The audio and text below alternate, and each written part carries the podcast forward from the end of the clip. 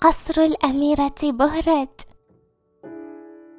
لأجل وردة واحدة كانت الأرض تكتسي بالعشب ومن ماء العين ولدت. حديقة تشبه عين البقرة. تتسع بالأيام وتكبر بالأشجار وتحاط بالأسوار.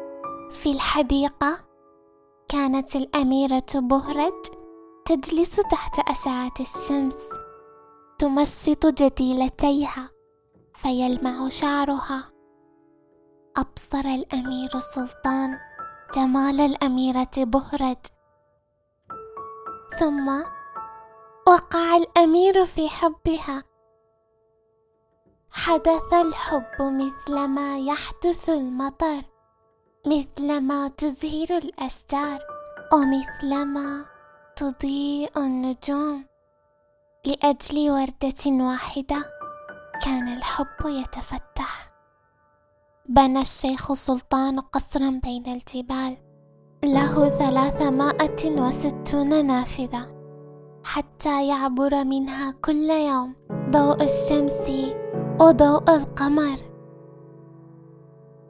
في آخر شهر شباط عندما عد أيامه على أصابع النهر خرجت الأشجار والأمطار لتحرس بهرج وهي تلف وتدور في حديقتها تحت زخات المطر الناعمة.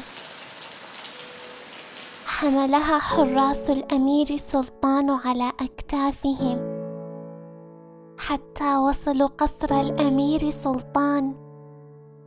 الذي صار حبيب بهرة الأبدي منذ ذلك اليوم الذي فاحت فيه رائحة الورود وملأت الأرض والسماء.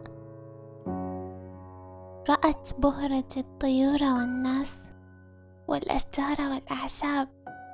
فظهرت الحياة في السفوح صغيرة مثل نقطة. مدت إصبعها فغطت النقطة. لكنها رأت ضوءا صغيرا ينعكس من هناك. بدأ يحيط بها ثم بالشيخ سلطان ثم بالأعالي كلها حتى غطاها.